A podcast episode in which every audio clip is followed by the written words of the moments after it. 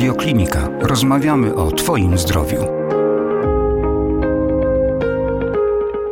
Przed mikrofonem radiokliniki pani doktor nauk medycznych Iwona Skoneczna ze Szpitala Grochowskiego w Warszawie, onkolog, specjalista w sprawach nowotworów urologicznych. Witam pięknie pani doktor. Dzień dobry panu, dzień dobry państwu. Mało się mówi o raku pęcherza moczowego, a to będzie meritum naszej rozmowy. No jednak stanowi on poważny odsetek chorób onkologicznych.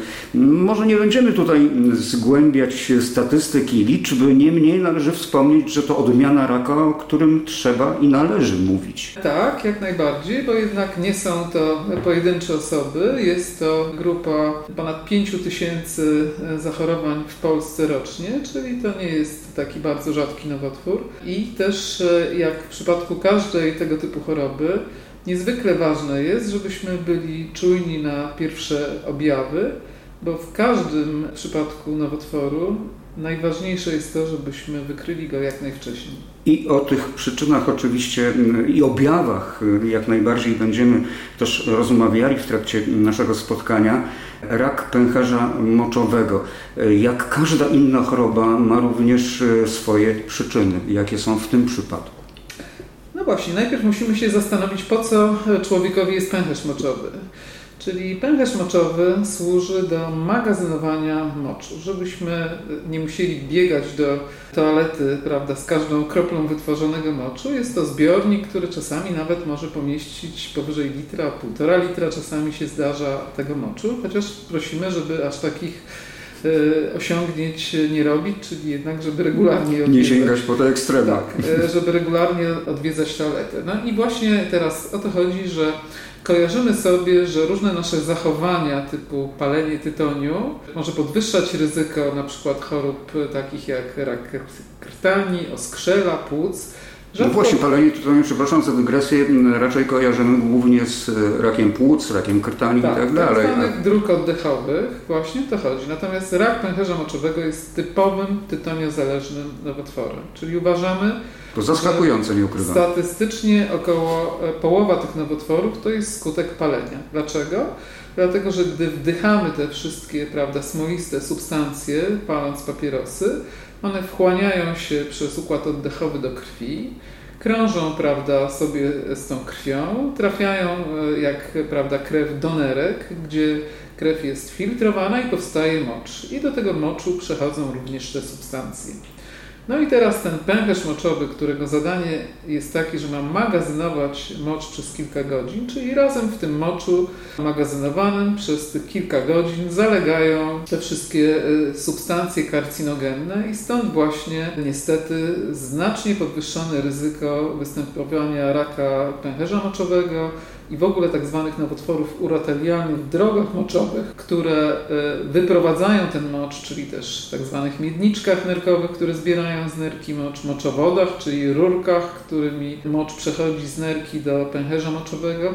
We wszystkich tych miejscach e, właśnie, które są eksponowane na te zawarte w moczu toksyny, jeśli palimy, to e, to ryzyko jest znacznie większe.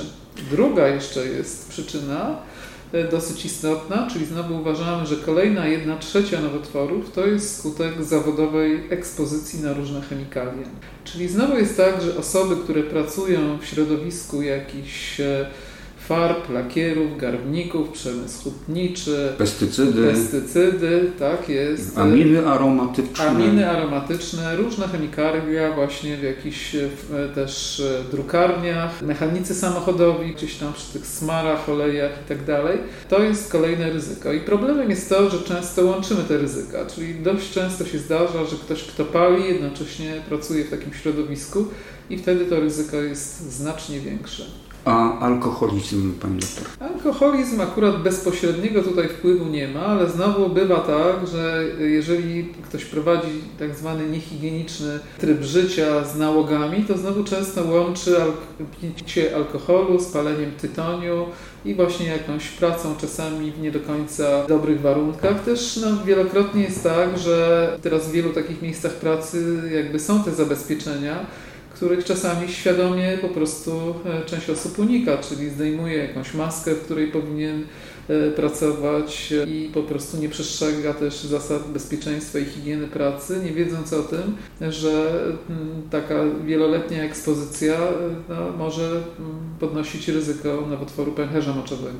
Wiadomo, że stany zapalne pęcherza moczowego i w ogóle układu mm, moczowego mogą prowadzić do tego schorzenia, ale trafiłem w jednej z publikacji na informację, że kamica nerkowa może być również przyczyną raka pęcherza motowego. Tak, no wszystkie stany zapalne, przewlekłe też e, dają ryzyko, że jednak e, w tych nabłonkach e, wyściełających drogi moczowe dojdzie do jakiegoś nieprawidłowego rozrostu przez prawda, pobudzenie takie przez stan zapalny. Czyli też osoby, które na przykład są po różnych urazach kręgosłupa, mają problemy właśnie takie, że muszą być wielokrotnie, czy po jakichś zabiegach operacyjnych, które właśnie wymagają wielokrotnego cewnikowania, czy, czy zakładania różnych instrumentów do dróg e, e, moczowych. W przypadku wad układu moczowego, jakichś refluksów, różnych jakichś zastojów tego moczu, jeżeli mamy przewlekły taki stan zapalny, tak, to też może usposabiać w dłuższym czasie do takich nowotworów. Często właśnie takie zakażenia wieloletnie prowadzą do mniej częstego rodzaju raka pęcherza moczowego, bo najczęściej to jest tak zwany rak urotelialny, przejściowo-komórkowy, a osoby po takich infekcjach mają trochę częściej tak zwanego płaskonabłonkowego raka pęcherza moczowego, który też trochę trudniej nam się leczy, więc też ta czujność jest e, potrzebna. Ale też chcę mhm. powiedzieć, że właśnie też ważną rzeczą jest, e, jeżeli mamy takie e, infekcje dróg moczowych, żebyśmy nie uważali, że zawsze jakby to jest tylko infekcja, czyli też rak może udawać infekcję, czyli mamy coś takiego, że rozwijający się guz w pęcherzu moczowym może podrażniać ten narząd, dawać jakieś częste oddawanie moczu i też może być pożywką dla bakterii, czyli też mogą właśnie być infekcje, czyli też prosimy, żeby nie leczyć się z powodu infekcji e, dłużej niż dwa tygodnie bez zrobienia prostego kolejnego badania, jakim jest USG układu moczowego.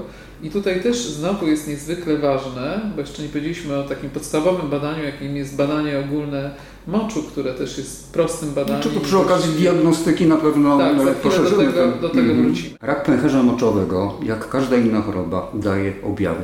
Kiedy? Czy to we wczesnym stadium, czy dopiero w zaawansowanym? I jakie to są objawy? Bo są dość charakterystyczne.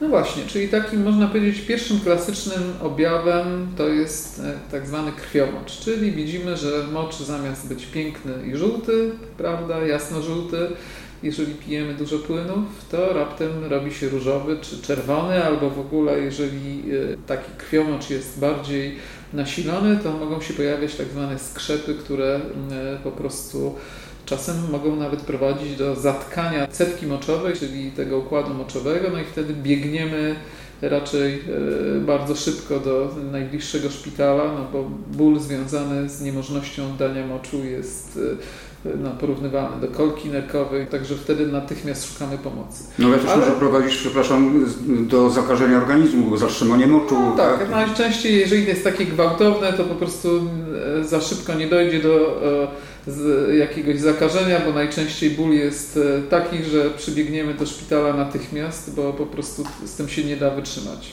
Natomiast problemem jest to, że taki mały krwiomocz na początku, jak choroba się rozwija, to często to może być taki krwiomocz, że po pierwsze, jeśli nie zwracamy na to uwagi, czyli nie obserwujemy, jaki jest kolor naszego moczu, to po prostu możemy to przeoczyć. Druga kwestia jest taka, że na początku tej choroby, czasem jak krwiomocz się pojawia, to on jest taki epizodyczny, pojawia się i znika. No i jak zniknie, to jesteśmy zadowoleni, się cieszymy i zapominamy. Samo przeszło.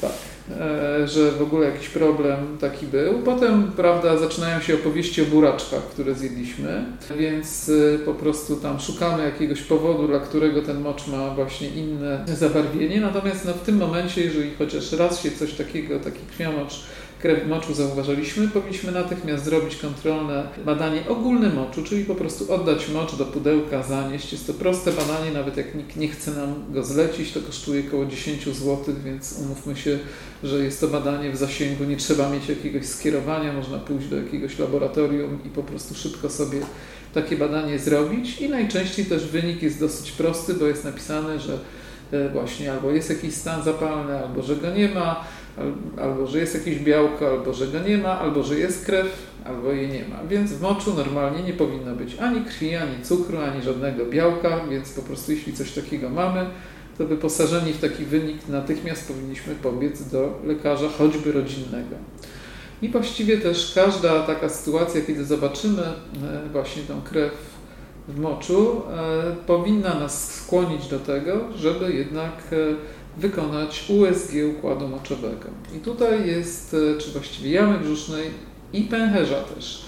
I teraz jest znowu niezwykle ważne, że żeby dobrze zobaczyć w USG narządy jamy brzusznej, E, po pierwsze, e, nie możemy być objedzeni, czyli nie możemy być wzdęci, czyli nie jest praktycznie prawda picie jakąś gazowaną wodę, czy jakieś gazowane napoje przed tym, czy wzdymające pokarmy jeść, bo wtedy ten gaz przesłania nam obraz, ale też po to, żeby zobaczyć szczególnie pęcherz moczowy, ten pęcherz musi być pełen jak balon. Dlatego, że pęcherz obkurczony po prostu ma z założenia ścianę nierówną i nic tam nie widać. E, i on musi być napełniony tak jak balon, żebyśmy mogli zobaczyć, że ta ściana w jakichś miejscach jest pogrubiała albo jakaś nierówna. E, I jeżeli pójdziemy na takie badanie z pustym pęcherzem, to wynik będzie taki, że pęcherz pusty nie do oceny. Poszliśmy na badanie, zrobiliśmy, nic się nie dowiedzieliśmy. I do tych obserwacji jeszcze oczywiście nawiążemy, natomiast y, chciałbym do tych objawów nawiązać jeszcze przez chwilę. Czy istnieją objawy towarzyszące, ale niekoniecznie związane z układem moczowym? No, oczywiście, jeżeli już wyhodujemy tam e, bardziej zaawansowaną chorobę, no to może się okazać, że na przykład jak nie zwracamy uwagi, te krwawienia są niewielkie, to może dojść do jakiejś anemii wskutek tego, że tracimy e, prawda, systematycznie tą krew, nie nadążamy tego odbudować. Jeżeli guz przerasta głębiej, to może się pojawić jakiś ból w podbrzuszu, na przykład mogą się pojawić obrzęki kończyn, jakieś osłabienie ogólne, także e, prosimy, żeby Państwo nie czekali na to, aż zaczniemy chudnąć, prawda, co będzie wyrazem tego, że rak już nie tylko jest na przykład w pęcherzu moczowym, ale jeszcze przedostał się do innych narządów, czyli dał przerzuty. Więc pamiętajmy, że rak pęcherza moczowego jest wyleczalny, jak go znajdziemy wcześniej, ale też potencjalnie, jeżeli damy mu czas na to, żeby wrósł w ścianę pęcherza moczowego, może być po prostu zabójcą, takim cichym zabójcą czasami. Czy istnieje jeden rodzaj raka pęcherza moczowego, czy też różne? Można powiedzieć, my dzielimy nowotwory pęcherza moczowego jak większość nowotworów ze względu na właśnie to, czy to są wczesne, czyli takie nienaciekające głęboko do narządu i tak jest w przypadku raka pęcherza moczowego, czyli mogą być takie powierzchowne nowotwory, jak znajdziemy je wcześniej, czyli tak zwane nieinwazyjne. Natomiast jeśli nowotwór miał czas, żeby wrosnąć w ścianę pęcherza moczowego do mięśnia, to już jest to tak zwana choroba inwazyjna. No i właśnie zupełnie inaczej ją się leczy. Też inwazyjnie pewnie. Tak, bardziej inwazyjnie i nawet można powiedzieć okaleczająco. O czym na pewno też wspomnimy. I właśnie a propos leczenia, czy raka pęcherza moczowego można wyleczyć farmakologicznie? Więc najpierw po pierwsze musimy takiego raka rozpoznać. Czyli, żeby rozpoznać takiego raka, czyli generalnie nowotworami układu moczowego i pęcherza zajmują się lekarze urolodzy. I z podejrzeniem raka pęcherza moczowego, jeżeli widzimy, że w USG czy w jakimś innym badaniu jest takie podejrzenie, powinniśmy natychmiast szukać pomocy w poradni urologicznej albo po prostu już w oddziałach urologicznych. Czyli pierwszym takim zabiegiem jest zajrzenie do pęcherza moczowego przez cewkę moczową, czyli tak zwany zabieg cystoskopii a właściwie tak, żeby, bo to jest zabieg tylko, żeby obejrzeć, a tak, żeby pobrać wycinki z takiego guza, to jest właśnie już tak zwany w znieczuleniu takim czasem krótkim ogólnym albo takim podawanym do kręgosłupa w takim znieczuleniu. Lekarz urolog zagląda, zakłada taki instrument e, do pęcherza moczowego i pobiera te wycinki które zostają przesyłane do badania patologicznego, czyli mikroskopowego, i wtedy czekamy właśnie na odpowiedź, czy po pierwsze tam jest nowotwór, jeżeli to jakiego rodzaju, czy właśnie ten najczęstszy rak, tak zwany urotelialny, to jest pierwsze pytanie, a jeżeli jest nowotwór, to jest pytanie, jak głęboko właśnie on wrasta. Czy już wrasta do mięśnia, czy nie praktycznie. I to nam właśnie dzieli chorobę na tak zwaną nieinwazyjną i inwazyjną. Bo rak pęcherza, który wrasta do e, ściany pęcherza moczowego, też niestety bardzo łatwo wrasta do naczyń krwionośnych i limfatycznych, a jak nowotwór przedostaje się do naczyń krwionośnych i limfatycznych, to wydostaje się z pęcherza moczowego i daje przerzuty. I to jest właśnie taki problem, że po pierwsze takiego inwazyjnego raka nie da się wyciąć za pomocą tak zwanej przystępkowej elektroresekcji, czyli od środka, tylko wtedy już w grę wchodzi wycięcie całego pęcherza. Czyli cystektomia. tak, ale tak naprawdę to jest nawet więcej niż pęcherza, czyli w przypadku mężczyzn wycinamy pęcherz moczowy, prostatę z pęcherzkami nasiennymi i jeszcze rozszerzone wycięcie węzłów chłonnych w tej okolicy. U kobiet jest to również połączone z wycięciem części narządu rodnego. Także jest to duży, można powiedzieć, okaleczający zabieg, po którym większość z osób oddaje mocz nie przez cewkę moczową, tylko ma wyłonione takie odprowadzenie moczu w postaci urostomii, czyli takiej brodawki na skórze brzucha, do której przyklejamy jednorazowe woreczki i większość osób ma w ten sposób rozwiązaną e, jakby ten, ten problem. E, oddawania moczu. Natomiast też jeszcze bywa, że do takiego zabiegu operacyjnego musimy dołączyć jeszcze przedoperacyjną na przykład chemioterapię, wiedząc o tym, że ten nowotwór ma łatwość wydostawania się z tego pęcherza, czyli najczęściej kilka tygodni przed operacją jeszcze pacjent musi otrzymywać taką przedoperacyjną chemioterapię. Wszystko to jeszcze nie powiedziałam, że do ustalenia takiego stopnia zaawansowania, czyli jak już wiemy, że w tym pęcherzu jest e, rak, że jest rak pęcherza moczowego, musimy wykonać szybciutko tomografię klatki piersiowej, jamy brzusznej miednicy, żeby ocenić, czy właśnie... Nie ma przerzutów? Tak, czy dalej jest tylko w pęcherzu, czy nie. No i też jeżeli widzimy choroby poza pęcherzem, no to też z założenia niestety pacjenci potrzebują chemioterapii. Wspomniała Pani o chemioterapii, a czy stosuje się radioterapię w leczeniu raka pęcherza moczowego? E, pęcherz moczowy nie jest narządem, który jest nam łatwo napromieniać, aczkolwiek takie... Dlatego, że jest głęboko położony? Nie, nie dlatego, że jest głęboko położony, tylko właśnie jego jakby zadaniem jest, tak jak rozmawialiśmy, magazynowanie moczu, czyli jest bardzo ważne, żeby on był sprężysty, żeby mógł się rozszerzać i potem kurczyć, czyli żeby wypompować ten mocz, czyli też taki wypieracz, czyli mięsień właśnie w tym pęcherzu moczowym. I problem jest taki, że radioterapia często po dłuższym czasie daje zwłóknienie takiego mięśnia, czyli dość często zdarza się, że taki E, pęcherz, który napromieniamy i też można powiedzieć, napromienianie jest na przykład rutynową metodą w przypadku leczenia raka prostaty, który jest bardzo blisko, prostata położona w stosunku do pęcherza moczowego. I wtedy jak lekarze e, e, szykują się do radioterapii na prostatę, to próbują tak wcelować tymi promieniami, żebyśmy napromienili prostatę, a oszczędzili narządy takie jak pęcherz moczowy, odbytnica, cewka moczowa, czyli generalnie Problem jest taki, po pierwsze, że dawka, która naświetlań jest potrzebna, żeby zabić raka, e, jest, e, można powiedzieć, e, wymagana dużo większa niż pęcherz dobrze toleruje. I właśnie wskutek takich naświetlań tego pęcherza z czasem dochodzi do zwłóknienia i pęcherz staje się tak zwany mały i marski czyli kompletnie traci swoją funkcję jako e, ten zbiornik, czyli jeżeli on ma małą objętość, to znowu oznacza, że e, po prostu jak tylko wyprodukujemy na przykład, nie wiem, porcję w postaci pół szklanki 100 ml moczu, to on już jest na tyle mały, że niestety musimy biec do łazienki, co oznacza, że chodzimy do łazienki na przykład każdej nocy 10 razy, czyli funkcjonalność często po takim leczeniu jest e, słaba, ale też problemem jest to, że nie jesteśmy pewni, czy e, ten nowotwór został do końca wyleczony. Aczkolwiek oczywiście podejmowane są na całym świecie próby, bo nikt nie chce mieć tego pęcherza usuwanego. Oczywiście nikt nie marzy o tym, żeby mieć usunięty pęcherz moczowy i mieć urostomię. Więc takie próby są podejmowane i znowu jest to takie bardzo skomplikowane, wielospecjalistyczne leczenie, które polega na tym, że najpierw należałoby prawie wszystko wyciąć, potem dać pacjentowi jakieś połączenie chemioradioterapii, potem jakby w pierwszym etapie, potem znowu sprawdzić tam, pobrać wycinki, czy na pewno ta choroba jakby poddaje się leczeniu, czy ten nowotwór nie przetrwał. Jak przetrwał, to natychmiast wycinamy cały pęcherz. Jak nie ma go tam, to dokończamy taką chemioradioterapię.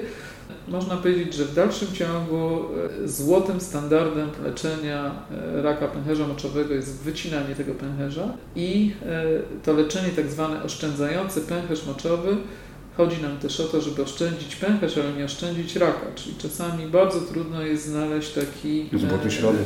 Tak, złoty środek, że oszczędzamy pęcherz, ale nie, nie oszczędzamy raka. Ale oczywiście taki zabieg jest dosyć obciążający i też mamy do czynienia z tym, że mamy coraz większą populację takich seniorów po 80 nawet roku życia, u których niestety taki duży zabieg operacyjny w grę nie wchodzi. I w tej grupie coraz częściej właśnie sięgamy po takie kombinacje chemioradioterapii. No ale też jeżeli pacjenci mają jakby współistniejące różne choroby, które nie pozwalają ich operować, to czasami te choroby też e, powodują, że pacjenci jakby nie mają szansy dożyć do jakichś objawów ubocznych e, po kilku latach od takiej radioterapii, więc e, w pewnych sytuacjach tak, jest to, jest to wykorzystywane, aczkolwiek nie jest to nasza pierwsza rekomendacja. Czy stosuje się w leczeniu raka pęcherza moczowego immunoterapię? E, tak, można powiedzieć, że właściwie rak pęcherza moczowego od dawna jest leczony za pomocą immunoterapii, właśnie takie powierzchowne, nieinwazyjne raki pęcherza. I taką klasyczną formą immunoterapii dla tych nowotworów było wlewanie do pęcherza moczowego takich wlewek ze szczepionki BCG, czasem też połączonych z interferonem, a w ostatnich czasach też e, taka nowoczesna immunoterapia, jest wiele takich badań, e, gdzie próbujemy sprawdzić, czy to jest jakby wystarczające. No na dzisiaj jest tak, że można powiedzieć w dalszym ciągu dopęcherzowo leczymy e, głównie za pomocą BCG, ale w różnych badaniach widzimy obiecujące wyniki, jeżeli jednocześnie na przykład podajemy jakąś immunoterapię dożylnie, a częściowo BCG do pęcherza moczowego, także to się bardzo poprawia. No i też e, można powiedzieć w przypadku, kiedy pacjenci wymagają chemioterapii takiej systemowej, dożylnej, ze względu na to, że choroba jest albo za bardzo zaawansowana w samym pęcherzu, albo wyszła poza ten pęcherz, czyli mamy przerzuty, też można powiedzieć, klasyczną pierwszą metodą leczenia w dalszym ciągu pozostaje chemioterapia, ale problemem też jest, że nie wszyscy pacjenci do takiej chemioterapii się kwalifikują. E, bo na przykład czasami nawet pierwszym objawem e, takiego raka pęcherza moczowego, najczęściej zaawansowanego, może być niewydolność nerek. Czyli może być tak czasami, że ten guz sobie po cichu rośnie w tym pęcherzu, zatyka tą rurkę, e, ujście moczowodu, czyli że mocz nie jest w stanie się wydobywać z nerki. Czasami robi to powoli, czyli nie ma takich gwałtownych objawów, tylko po prostu coraz gorzej mocz odpływa z tej nerki. Czasem dochodzi do całkowitego zatkania i powstania tak zwanego wodonercza, czyli właściwie moczonercza, można by było powiedzieć, bo tam no, mocz zalega.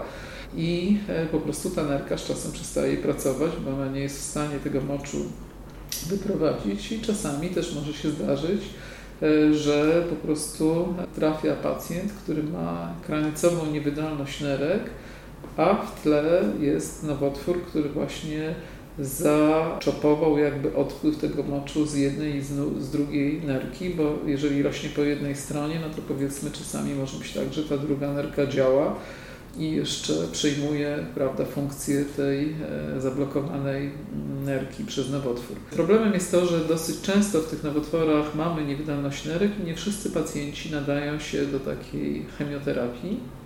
No i też e, na świecie jakby mamy już dowody na to, że właśnie taka immunoterapia e, może pomagać pacjentom, którzy nie kwalifikują się do chemioterapii, może pomagać pacjentom, którzy dostali pierwszą chemioterapię i mimo to dochodzi do nawrotu choroby i jako kolejne leczenie też ta immunoterapia wiemy, że może wydłużyć przeżycie i poprawić los tych pacjentów. A można powiedzieć jeszcze taką najnowszą mm, wiedzą, jaką dostaliśmy, jest to, że jeżeli jakiś pacjent wymaga chemioterapii, bo ma właśnie chorobę z przerzutami albo zaawansowaną i dostaje tą chemioterapię i ma odpowiedź na tą chemioterapię, czyli przynajmniej udaje nam się chorobę zatrzymać, a może nawet trochę zmniejszyć, to nie musimy już tego pacjenta leczyć w nieskończoność chemioterapią. Możemy dać na przykład takie cztery cykle mówimy, czy sześć maksymalnie takich cykli i zastosować immunoterapię w takim momencie, jak jeszcze nie dochodzi do pogorszenia, czyli takie tak zwane leczenie podtrzymujące i tutaj widzimy, że wtedy ten efekt połączenia chemioterapii i tej immunoterapii jest dużo lepszy niż jak czekamy na progresję. No niefortunnie jest tak, że o ile w Polsce mamy dostępne do leczenia e, metody leczenia operacyjnego, radioterapią, to niestety mamy problem z dostępnością do immunoterapii takiej systemowej, która na dzisiaj nie jest refundowana dla pacjentów z rakiem pęcherza moczowego. Nawiążę jeszcze do tego wątku, który nam się przewija w trakcie naszej rozmowy, czyli usunięcia pęcherza moczowego wraz z pewnymi nierzadko y, peryferyjnymi narządami. A jak wygląda sprawa z życiem seksualnym po usunięciu pęcherza?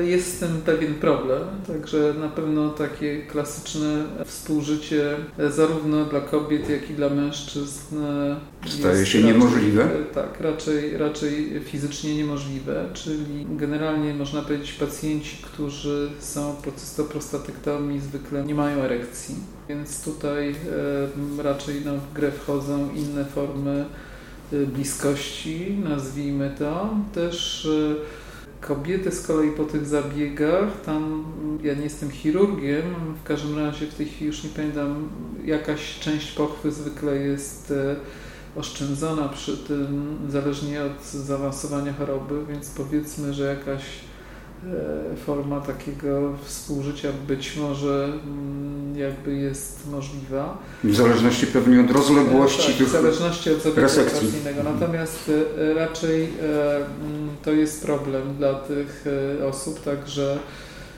raczej inne formy bycia blisko niż taka, prawda, takie klasyczne współżycie. Oczywiście mamy do czynienia z rozwojem urologii próbujemy, żeby te zabiegi stały się coraz mniej okaleczające, czyli są jakieś możliwości odtwarzania e, sztucznego pęcherza, można powiedzieć, czyli metody wytworzenia takiego pęcherza na przykład z jelita, głównie jest to jelito cienkie.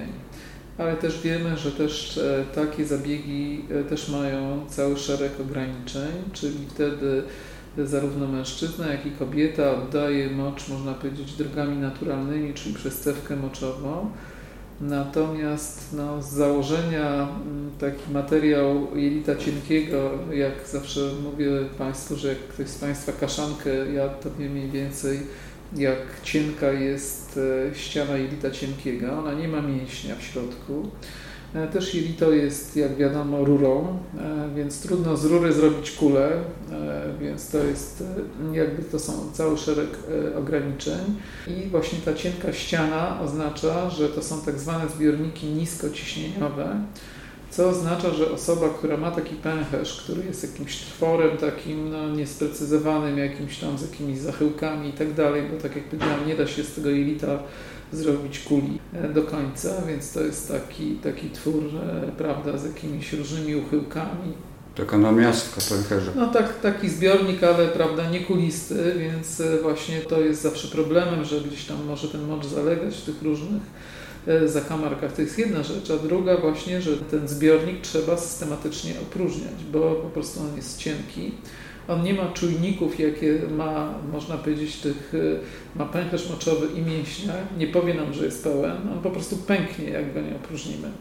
Czyli osoby, które mają taki pęcherz jelitowy, do końca życia muszą dwa, trzy razy w nocy wstawać do łazienki i po prostu nastawiać sobie budzik w nocy i po prostu iść i opróżniać ten pęcherz, bo inaczej pęknie. Też jest tak, że znowu to jelito nie jest przygotowane do tego, tak jak pęcherz moczowy miał taki nabłonek, który chronił przed e, wchłanianiem zwrotnym różnych substancji toksycznych, które generalnie chcemy razem z moczem E, prawda, usunąć z organizmu i tutaj przez tą ścianę jelita część tych e, substancji się wchłania, recyrkuluje, jak to my mówimy i też prowadzi to do różnych metabolicznych zaburzeń, które też właściwie trzeba e, monitorować. Też jakby problemem czasami jest e, również to, że tam na granicy cewki moczowej i takiego pęcherza, który wytwarzamy, jest tak zwany zwieracz pęcherza moczowego, który znowu zapewnia nam to, że mocz nie leci ciurkiem, tylko że jesteśmy w stanie to zatrzymać. Jeśli przy zabiegu jakby dojdzie do uszkodzenia na przykład takiego zwieracza, to ktoś oddaje mąż drogami naturalnymi, ale tego nie trzyma. Więc biorąc pod uwagę te wszystkie jakby tematy, to, że też nie każdy ma tak zwane warunki anatomiczne, żeby w ogóle taki pęcherz stworzyć, bo po prostu no znowu właściwie każdy chirurg, który operuje takiego pacjenta, musi mu powiedzieć, że może się starać zrobić taki pęcherz, ale może się okazać, że jakby z powodu właśnie tej anatomii nie da się po prostu takiego poszywać z tego jelita, takiego zbiornika i w odpowiednim miejscu go umieścić na tej drodze, żeby właśnie nie było zastoju, żeby to wszystko dobrze działało. Więc e, statystycznie uważa się, że gdzieś tam tylko około 10% osób jest kandydatami do takiego e, zabiegu e, wytworzenia pęcherza jelitowego. Więc tak jak mówię, ja nie jestem chirurgiem, więc, więc to są takie informacje, które mogę. Niemniej niezwykle obrazowo pani doktor to opisuje. Chciałem jeszcze zapytać, czy wiek wpływa na zapadalność na raka pęcherza moczowego, a w ślad za tym, czy notuje się przypadki tej choroby u dzieci? U dzieci właściwie praktycznie, można powiedzieć, prawie nie. Jeżeli występują e, nowotwory e, pęcherza moczowego u dzieci, to są mięsaki i to jest e, po prostu też zwykle jakaś tam wielka tragedia, bo to są zwykle agresywne choroby, ale też często wrażliwe na chemioterapię, także to jest zupełnie inny e, można powiedzieć, rodzaj, e, rodzaj nowotworu, więc też dziecko, które ma problemy, na przykład się moczy, czy, czy gdzieś tam, no też wiemy, że USG jest badaniem nieinwazyjnym, czyli też po prostu dzieciom, u których jakieś są infekcje, gorączki, czy jako też element E, jakiegoś badania kontrolnego, takie USG dróg moczowych można zrobić, to jest zupełnie osobny temat, natomiast takie klasyczne nowotwory pęcherza moczowego praktycznie można powiedzieć przed 40 rokiem życia zdarzają się bardzo rzadko. No też w krajach, gdzie właśnie endemicznie występują e, infekcje z histosoma, czyli w Egipcie właśnie, gdzie mamy pełzaka e, ameby, tam jakby w tych regionach lekarze są uczuleni właśnie na takie formy raka pęcherza moczowego, natomiast generalnie jest to nowotwór, który rzadko się zdarza przed 50 e, rokiem życia. Częściej u mężczyzn z tego co wiem niż u kobiet. Częściej u mężczyzn, natomiast klasycznie to wynikało z tego, że mężczyźni palili częściej niż kobiety. W tej chwili wiemy, że e, kobiety są wyemancypowane i doganiają w tym nałogu również panów. Pani doktor jest e, oprócz tego, że wybitnym onkologiem e, specjalizującym się w sprawach nowotworów urologicznych, jest Pani również ekspertką kampanii edukacyjnej Rak pęcherza wykryj i lecz prowadzonej przez Polską Koalicję Pacjentów Onkologicznych. Może dwa słowa e, od tej działalności. Proszę Państwa, każdy przekaz do ludzi, że zdrowie jest naszym największym dobrem, e, uważam za niezwykle ważne. Czyli widzimy, że bardzo wiele jednak nowotworów no, to jest skutek naszego stylu życia, czyli tego, że właśnie e, popadamy w nałogi, czyli że palimy, że nie pijemy wystarczającej ilości wody, że y, mamy, to nie jest może czynnik y, otyłość, nadwaga akurat dla tego nowotworu, ale dla innych owszem, tak. A cukrzyca?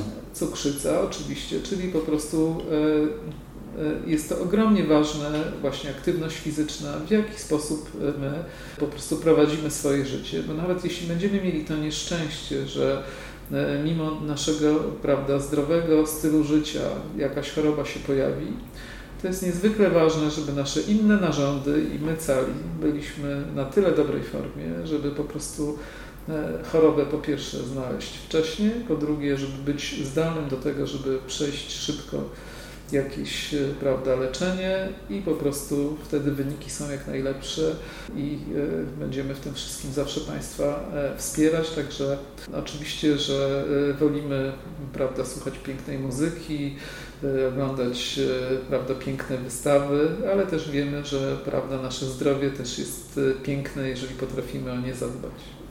Piękne słowo. Działania edukacyjne, o których pani doktor wspomina, prowadzone są na stronie kampanii w internecie i też na profilach społecznościowych.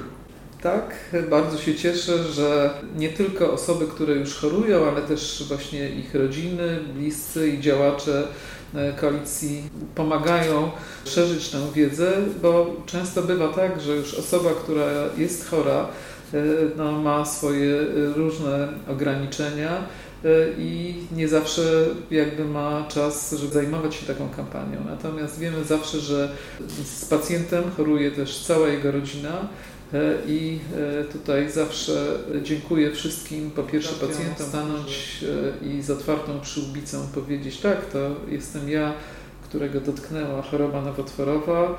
Zwróćcie uwagę na takie objawy, nie dajcie się zaskoczyć. To jest ogromnie ważne, żebyśmy umieli o tym w otwarty sposób rozmawiać, żebyśmy też wspierali te osoby, w taki e, wrażliwy sposób, czyli te osoby, które chorują, czasami boimy się zadzwonić do takiej osoby, bo boimy się, że, że, że może ta osoba będzie słaba. No jak będzie słaba, to nam powie, że w tej chwili nie może rozmawiać, proszę zadzwoń jutro. Natomiast bardzo często jakby ta samotność i ten lęk, który e, właśnie towarzyszy osobom w trakcie e, leczenia, możemy naprawić właśnie wizytą, rozmową telefoniczną, e, pójściem gdzieś razem właśnie na jakąś wystawę, do, do, na jakiś koncert, e, bo po prostu bardzo często na szczęście w onkologii dzisiaj się z tym rakiem żyje wiele lat i po prostu coraz częściej udaje się zapominać o tym, że to leczenie było naszym udziałem. I tą jakże cenną konkluzją kończymy naszą rozmowę. E, gościem radiokliniki była pani Iwona Skoneczna, doktor nauk medycznych ze Szpitala Grochowskiego w Warszawie, onkolog, specjalista w sprawach nowotworów urologicznych. Rozmawialiśmy o raku pęcherza moczowego i za tę rozmowę pięknie pani doktor dziękuję. Dziękuję panu, dziękuję państwu.